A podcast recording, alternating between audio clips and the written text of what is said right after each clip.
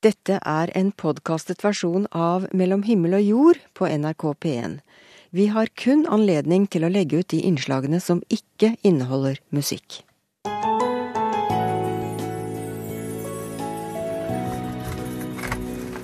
Og her får du bruk for lommelykta. Her må du ha lommelykta. for det Kan, vil har du vært nede helt alene noen gang? Ja, en gang har jeg vært her helt alene. Man kan ha litt blandede følelser når man går her i mørket. Men denne mannen har ligget her da i ja, snart 1000 år. Vi tar deg med under Nidarosdomen, mellom eldgamle kister, knokler og gravsteder. For nå skal de virkelig prøve å finne Olav den hellige der nede. Margrethe Nåvik heter jeg. Vi har heldigvis noe å melde fra oversida av jordskorpa også. Det å ha slankepulveret stående synlig på kjøkkenbenken i et hjem hvor det er småbarn, det er farligere enn eh, fars heimevernsgevær. Vi risikerer å bli satt grundig på plass av psykologen i dag. Det skal handle om vårt ønske om å være vellykka. Og vi møter ei jente som går inn for å vise fram baksida. Altså Bare noe så enkelt som å legge ut et bilde hvor jeg sier i dag hadde jeg en skikkelig stygg kvise. Bruker man tid på nettet, på nettsider, på blogger, på sosiale medier, så er det fort gjort å bli misfornøyd med seg sjøl, kanskje. Her ligger det stadige påminnelser om at eh, vi bør trene mer, spise mindre, kjøpe nye klær, fikse på håret. Det perfekte idealet er det vi skal jage etter. Men så er det to 16-årige jenter som jobber mot det her, da. De har starta opp bloggen Uperfekte jenter, blogg.no, for å gå til krig mot det perfekte jenteidealet. Altså Det våpenet som vi har valgt, eh, det er jo ærlighet. Fordi alt dette presset handler jo bare om å forfalske deg selv, og om å lyve til alle om hvem du egentlig er, og bare framstå så mye mer perfekt. Mens bare det å være helt ærlig om hvordan man har det, hvem man er, hvordan man ser ut, gjør at det også blir mye lettere for andre jenter å skjønne at OK, greit, jeg er ikke unormal. Det er faktisk helt menneskelig å ikke være perfekt hele tiden. Bloggen Uperfekte jenter ble starta opp i 2011 av 16-åringene Elise Lystad og Anna Lanto. Som tenåringer i dagens Norge tror jeg at de har et helt annet press på seg enn det jeg opplevde som ung for bare 15 år siden. Anna, som nå er 17 år, bekrefter det jeg frykta. Altså, det er så mye. Det er egentlig bare overalt så møter man dette bildet av den perfekte supermodellen, som er et dataanimert bilde. Og det møter man når man går rundt i byen, man ser det i magasiner. Slik får du gutter til å like deg, slik sminker du deg på rett måte, disse klærne må du kjøpe, dette skal du gjøre med håret ditt, osv., osv. Og på internett, altså i absolutt alle medier. Og det er bare et mye større press på at eh, alle skal være perfekte. Selv om man ikke har tilgang på Photoshop, liksom. Og selv om man ikke har råd til å bruke masse penger på å vokse leggene og masse dyre sminkeprodukter og alt sammen. Man har liksom fjernet hele den tanken om at uh, dette går ikke egentlig an. Men man, har, man, sier bare jo, det går an. Du kan klare det. Bare kjøp dette. Tror du at gutta også opplever det her skjønnhetspresset? Ja, det tror jeg. Det er ingen tvil om at uh, dette går utover alle unge mennesker, og egentlig alle mennesker i det hele tatt. Grunnen til at vi ikke fokuserer på gutter, er jo for det første fordi vi er jenter, og for det andre fordi vi ser at det går enda sterkere utover jenter, og at det blir enda vanskeligere for jenter å motstå det presset. Fordi det presset møter også gutter, uh, men det er mye større aksept for å ikke oppfylle de kravene. Hva går det på bekostning av, tror du, for alle de her jentene? Jeg tror at uh, det gjør at vi ikke tør å ta så mye plass. Og at vi ikke klarer å fokusere på ting vi faktisk liker å gjøre, fordi vi bare tenker på hva andre liker at vi gjør, på en måte. Og at vi tar oss selv mindre seriøst, fordi andre tar oss mindre seriøst. At vi begynner å faktisk tro på det de sier, at vi ikke er bra nok. Og at vårt livsprosjekt blir å være pene, ikke å oppnå store ting. Anna og Elise ønska å lage en blogg der unge jenter kunne få noe annet servert enn tips til sminking, slanking, shopping og trening. Og bloggen har på det meste hatt opp mot 12 000 lesere daglig. Ærlighet er tydeligvis så eksotisk at det fanger lesernes interesse. Men hvilken type ærlighet er det snakk om? Ja, altså For eksempel så har Elise lagt ut et bilde av seg selv hvor hun har hår under armene. Vi har lagt ut veldig mange bilder hvor vi ikke har sminke på oss, hvor vi liksom gjør grimaser, hvor vi ikke prøver å gjøre oss pene. Og så er det også å være ærlige om mer personlige ting. Som å si at uh, i dag orket jeg ikke å gå på skolen, i dag orket jeg ikke å stå opp. Og vi skriver jo selvfølgelig ikke veldig privat og veldig personlig, men vi prøver å bare være ærlige om at vi også har det vanskelig iblant. Hvordan er det å være så ærlig om livet sitt til alt mellom 700 til 12 000 personer du ikke kjenner?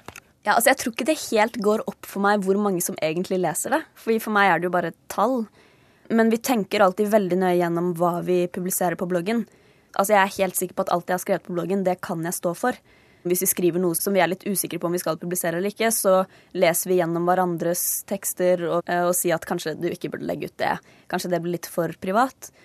Mange vil jo se på en sånn blogg som veldig, at, at du stiller opp veldig sårbar. Mm. Eh, hva tenker du om det?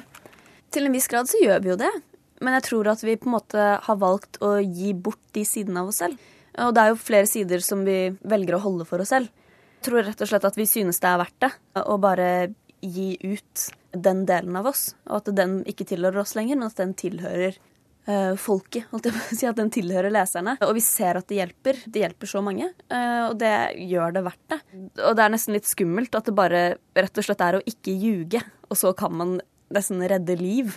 Det er så mange jenter som har fortalt at uh, jeg var suicidal, jeg skadet meg selv, jeg hadde veldig vanskelig forhold til mat. Og så kommer man til denne bloggen, og så blir jo selvfølgelig ikke alt perfekt med en gang, men uh, de bare følte seg så mye mer altså, normale. Så ja, vi ville lett, rett og slett bare være et alternativ, og bare være ærlige.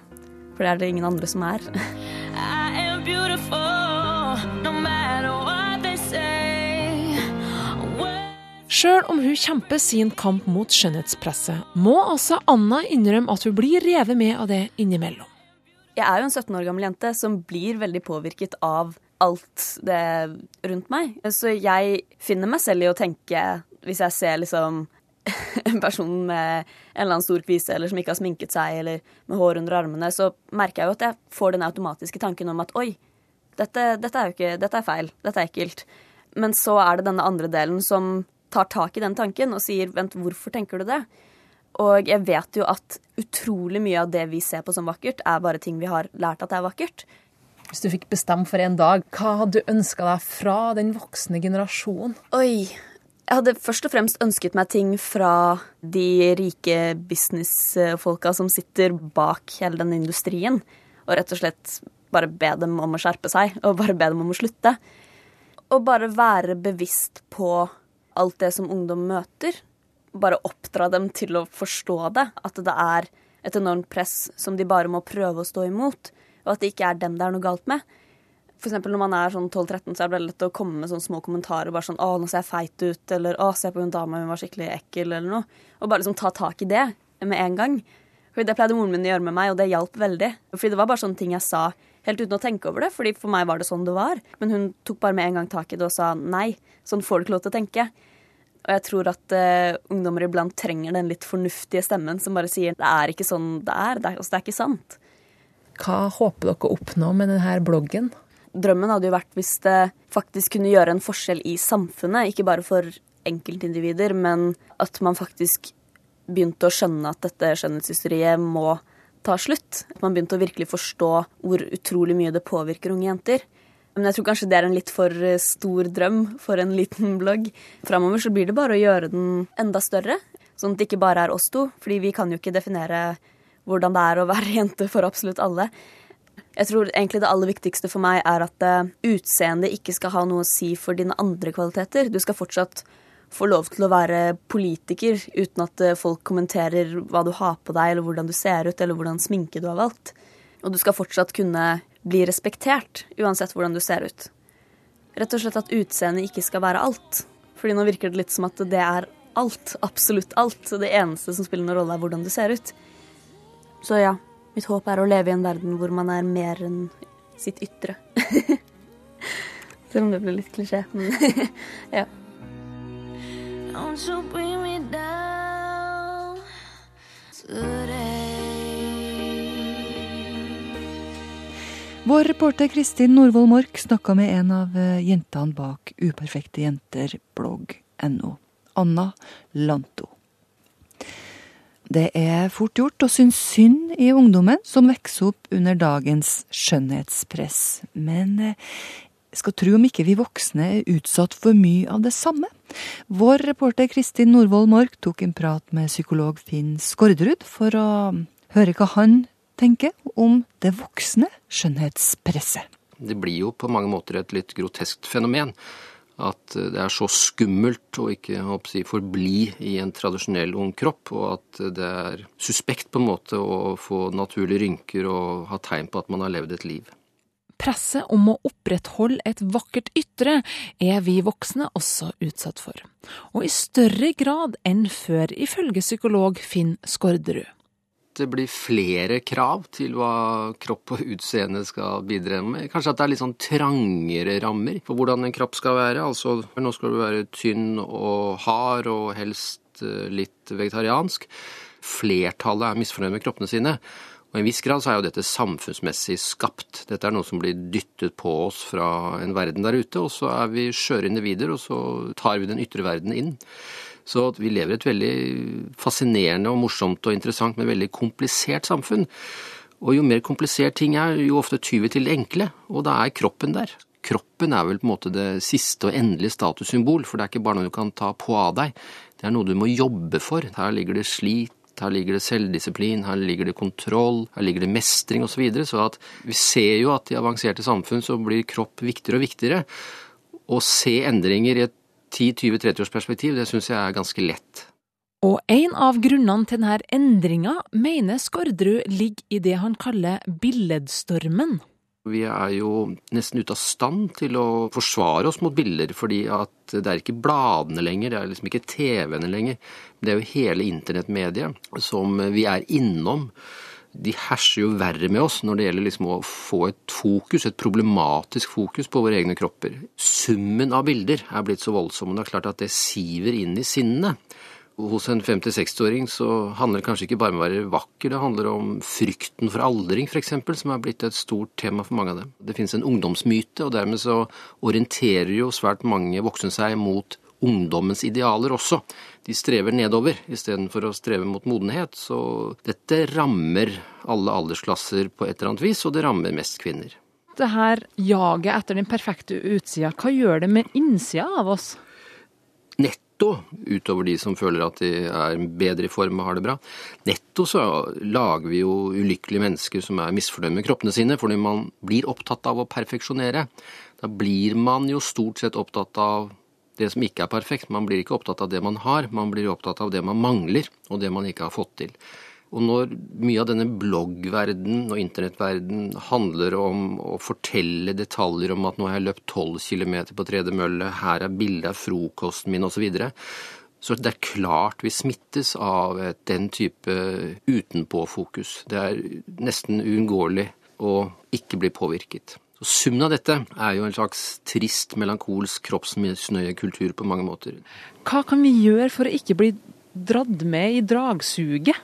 Altså, Det er jo fristende å si at liksom, eh, vi trenger noen sånn geriljaaksjonister andre veien. Altså dette med uperfekte jenter. Altså, det er den type tiltak som er veldig viktig. At noen prøver å riste i oss og liksom å prøve å gjøre oss litt sånn edru for til hva vi er med på det blir veldig viktig at vi forsøker å ha en sånn opinion og prøve å se hva vi er en del av.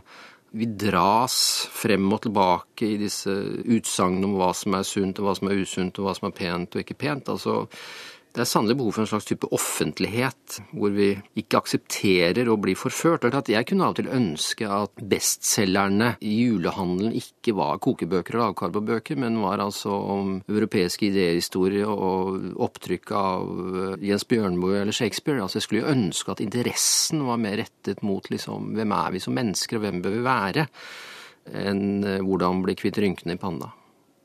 Hva ofrer vi på skjønnhetens alter, hvis jeg kan kalle det det?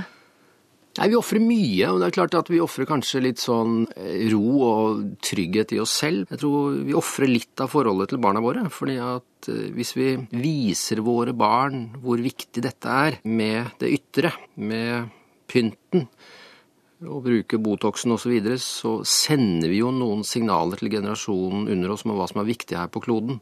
Og på en måte så må vi ikke undre oss over at vi har betydelige forekomster av fenomener som spiseforstyrrelser. Altså, det er ikke tilfeldig at vi har en ungdomsgenerasjon som er veldig opptatt av dette, fordi vi har også en voksengenerasjon som bruker for mye tid på dette. Jeg er veldig tilhenger av forfengelighet. altså at man skal bry seg om seg selv og ta vare på seg selv og være glad for å se seg selv i speilet når man har en ny kjole eller en ny jakke.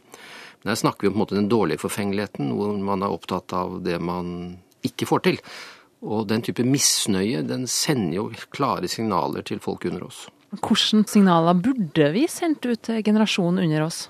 Altså Jeg liker å si av og til at det å ha slankepulveret stående synlig på kjøkkenbenken i et hjem hvor det er småbarn, det er farligere enn eh, fars heimevernsgevær, som behørig er låst ned i kjelleren. Altså, den boksen burde vært låst ned samme sted. Jeg tror vi må tenke over hva vi sender av gårde av signaler, både i samtale og i atferd, til en generasjon under oss, som er en fascinerende generasjon med masse muligheter, men som eh, er svært utrygg og er svært sårbar, og plukker opp noe av det verste vi gjør. Finn Skårderud har jobba mye med ungdom og spiseforstyrrelser, og han syns at han har rett til å være litt kritisk til utviklinga. Noen nå hører på meg og tenker at dette er en sånn sur gammel moralist, men akkurat nå har jeg lyst til å være det, for jeg har på en måte en moralsk aksje her, og det er at jeg sitter jo og behandler barna. Og jeg sitter og ser f.eks. hva den lavkarbobølgen, hvordan det har forverret tilstanden for norsk ungdom f.eks. Før så spiste de da tross alt pasta, men nå kan de ikke spise det lenger heller, så nå spiser de bare vann. Jeg tror det er veldig viktig å se at dette utenpåfokuset, som mange ikke ser at det er en del av, altså de snakker om mat og de snakker om kropp øh, og er ikke klar over nesten at de gjør det det er på mange måter svært skadelig, fordi vi får et veldig sånn overfladisk, veldig ytrestyrt samfunn. Så det er noe med å ha liksom Hva er kvaliteter ved gode relasjoner? Hva trenger barn av voksne for å bli trygge, ikke for å bli utenpåfokuserte? Ja, vi hørte eh, psykolog og professor Finn Skårderud som frivillig tok på seg rollen som gretten, gammel gubbe. Du hører på Mellom himmel og jord i NRK P1.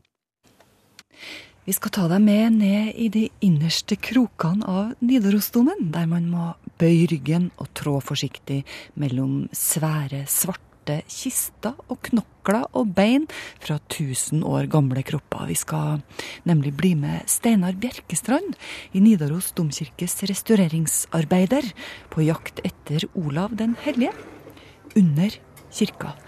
For eh, det skal være her han ligger helgenkongen som døde for nesten 1000 år siden.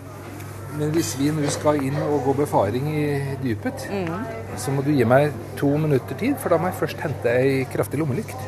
Det må du, ja. for det er mørkt der. Det er mørkt der. Jeg har tenkt å spørre Steinar hvorfor i all verden er det så viktig da å finne ut hvor Olav den hellige ligger? St. Sankt Olavs domkirke i Oslo, som den katolske domkirka i Oslo, eh, fikk ved innvielsen midt på 1800-tallet et leggbein fra eh, kongen i København i innvielsesgave. Eh, og dette ble påstått å være leggbeinet til Olav den hellige. Så eh, har det vært foretatt nå i de siste par åra undersøkelser av det leggbeinet. Man har iallfall fastslått at denne leggbeinet er fra 1000-tallet.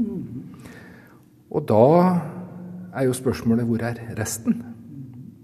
Og da skal vi inn bak Kanskje den døra her. inn her? Vi beveger oss innover i Nidarosdomens underganger.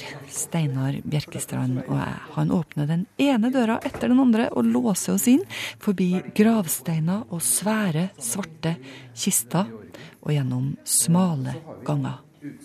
Vi er på leit etter Olav den hellige. Og jeg må jo innrømme at eh, da man fastslo i Oslo at dette faktisk med stor sannsynlighet kan være leggbeinet til St. Olav, så måtte jeg jo bort til å se på han kameraten som vi har under glasslokk her, for å se om han virkelig har alle leggbeina sine. Men St. Olav sies det jo nå, da, med navnet Olav Digre. Han, han var jo en stor mann. Ja. Og denne karen som ligger her, er en stor mann. Han er begravet på 1000-tallet. Så begge leggbeina er på plass? Her er begge leggbeina på plass, så, så dette er ikke da den samme. Jeg må nesten bøye meg ned og se på tennene altså. Det er imponerende fine tenner. Men denne mannen har ligget her da i ja, snart 1000 år. Tenk det. Så er vi det første mysteriet, eller hvor vi nok først vil begynne å lete. Ja. Nå står vi ved ei stålkiste som den 18. juni 2012 ble satt ned her med levninger etter 14 personer som tidligere lå gravlagt under Nidarosdomens kor. Og Det vi vurderer i første omgang å søke om, det er å få lov til å gå inn og ta karbon-14, altså dateringsprøver, på noen utvalgte av dette, for å se om noen av disse kan være fra 1000-tallet. Så dette her er ei kiste som er 1 ganger 1,20 eller noe sånt. Ja, Svær no- no- sånt. metallkiste. Ja, det er det. Men nå kjenner jeg at dette virker ganske sterkt på meg. Gå ned nedi her og se på de gamle tingene. Og samtidig som jeg lurer på hvorfor Hvorfor er det så viktig egentlig å finne ut om Olav den hellige ligger oppi stålkista her, f.eks.? Det er det jo veldig mange som mener veldig mye om. Ja. Det er ikke sikkert det er viktig i det hele tatt. Altså det Av jord er du kommet, og til jord skal du bli, og, og ferdig med det. Det er, det er historia, det er fortellingen, det er det, resultatet av det de gjorde. Det er det som er viktig, nemlig at kristendommen begynte å blomstre i Norge. Samtidig, det å være fysisk nær historia, det føler vi vel alle sammen, enten vi reiser i eget land, eller særlig når vi nå reiser ut i utlandet. Det å komme nær de romerske ruinene, det å sitte på Colosseum og tenke seg hvordan de slåss, og hvordan løvene herja med folk, det, det gir oss en mye sterkere følelse av dette. Og når vi da kommer inn til det som er troens opphavsmann i Norge, da, så er det klart at vi står ved fundamentet til hele Den norske kirke, og vi står ved hele begrunnelsen til hvorfor denne store katedralen ble bygd. Og det da å kunne få identifisere han, det er, spennende, sånn, det er et spennende historisk moment. eh, Men det gjør noe med vår historieforståelse, og det gjør noe med vår sammenheng. Altså Vi ser oss i sammenhengen. Han og jeg hører sammen fordi han gjorde noe som betyr noe for meg tusen år etter. Og kanskje ligger han her, liksom. Kanskje ligger han her. Det det.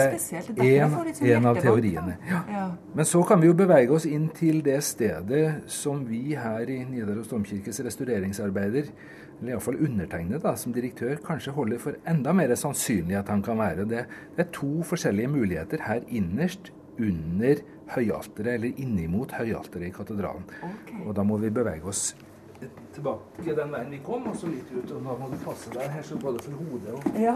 og tra- trappetrinnene. Dette er ikke noe for en sliten rygg, eller hva? Nei da. Skal være litt ydmyk når man går i katedralen, vet du. Så. Vi bøyer oss sånn at overkroppen står sånn ca. 90 grader på beina. Det blir lavere og lavere, smalere og smalere. Og Når jeg tror at vi nærmer oss det innerste dypet, så viser det seg enda lange, trange korridorer. Steinen kommer tettere innpå fra alle kanter, og her er det ikke noe lys. Nå må du virkelig bøye hodet. Ja. Og her får du bruk for lommelykta. Her må du ha lommelykta, for her er det helt mørkt. Og Da skal jeg Kan, har du vært nede helt alene noen gang? Ja, en gang har jeg vært her helt alene. Man kan ha litt blandede følelser når man går her i mørket. Men nå står vi da ved det som etter tradisjonen i, hos oss da, i NDR kanskje kan være stedet. Her ligger det en tørr rose og to ligger det. Her, har vi lys fordi vi av og til har grupper ned hit. Steinar forteller at det er mange mysterier rundt det her som kan være Olav den helliges gravplass. På Olsok hvert år så legger noen en rose eller en rosebukett på Olav den helliges grav under kjelleren her. Og da, da er vi her. Eh, Den rosa her har den ligget siden Den har ligget 29. juli. siden 29. juli. Ja, derfor er den er litt Den er sånn meget tørr. Og, ja. ja. Uh, Vi veit ikke hvem det er som legger den her. Er det sant? Ja. Man kan vel alltid ha noen mistanker, men, men vi har aldri fastslått hvem det er som legger rosen her. Men du sa nettopp at du har vært nedi her alene en gang. Ja, det har jeg jo, men da uten rose. Men, men da, da lå det roser her, og det, det ligger bestandig roser her. Altså, rundt Olsok så er de friske, og så lar vi dem ligge, da. Mm.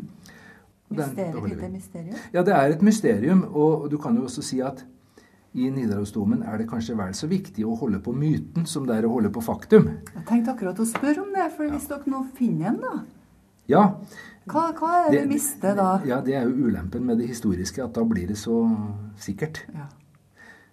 At vi finner han, eller at vi ikke finner han. Mm. Det er kanskje det dummeste.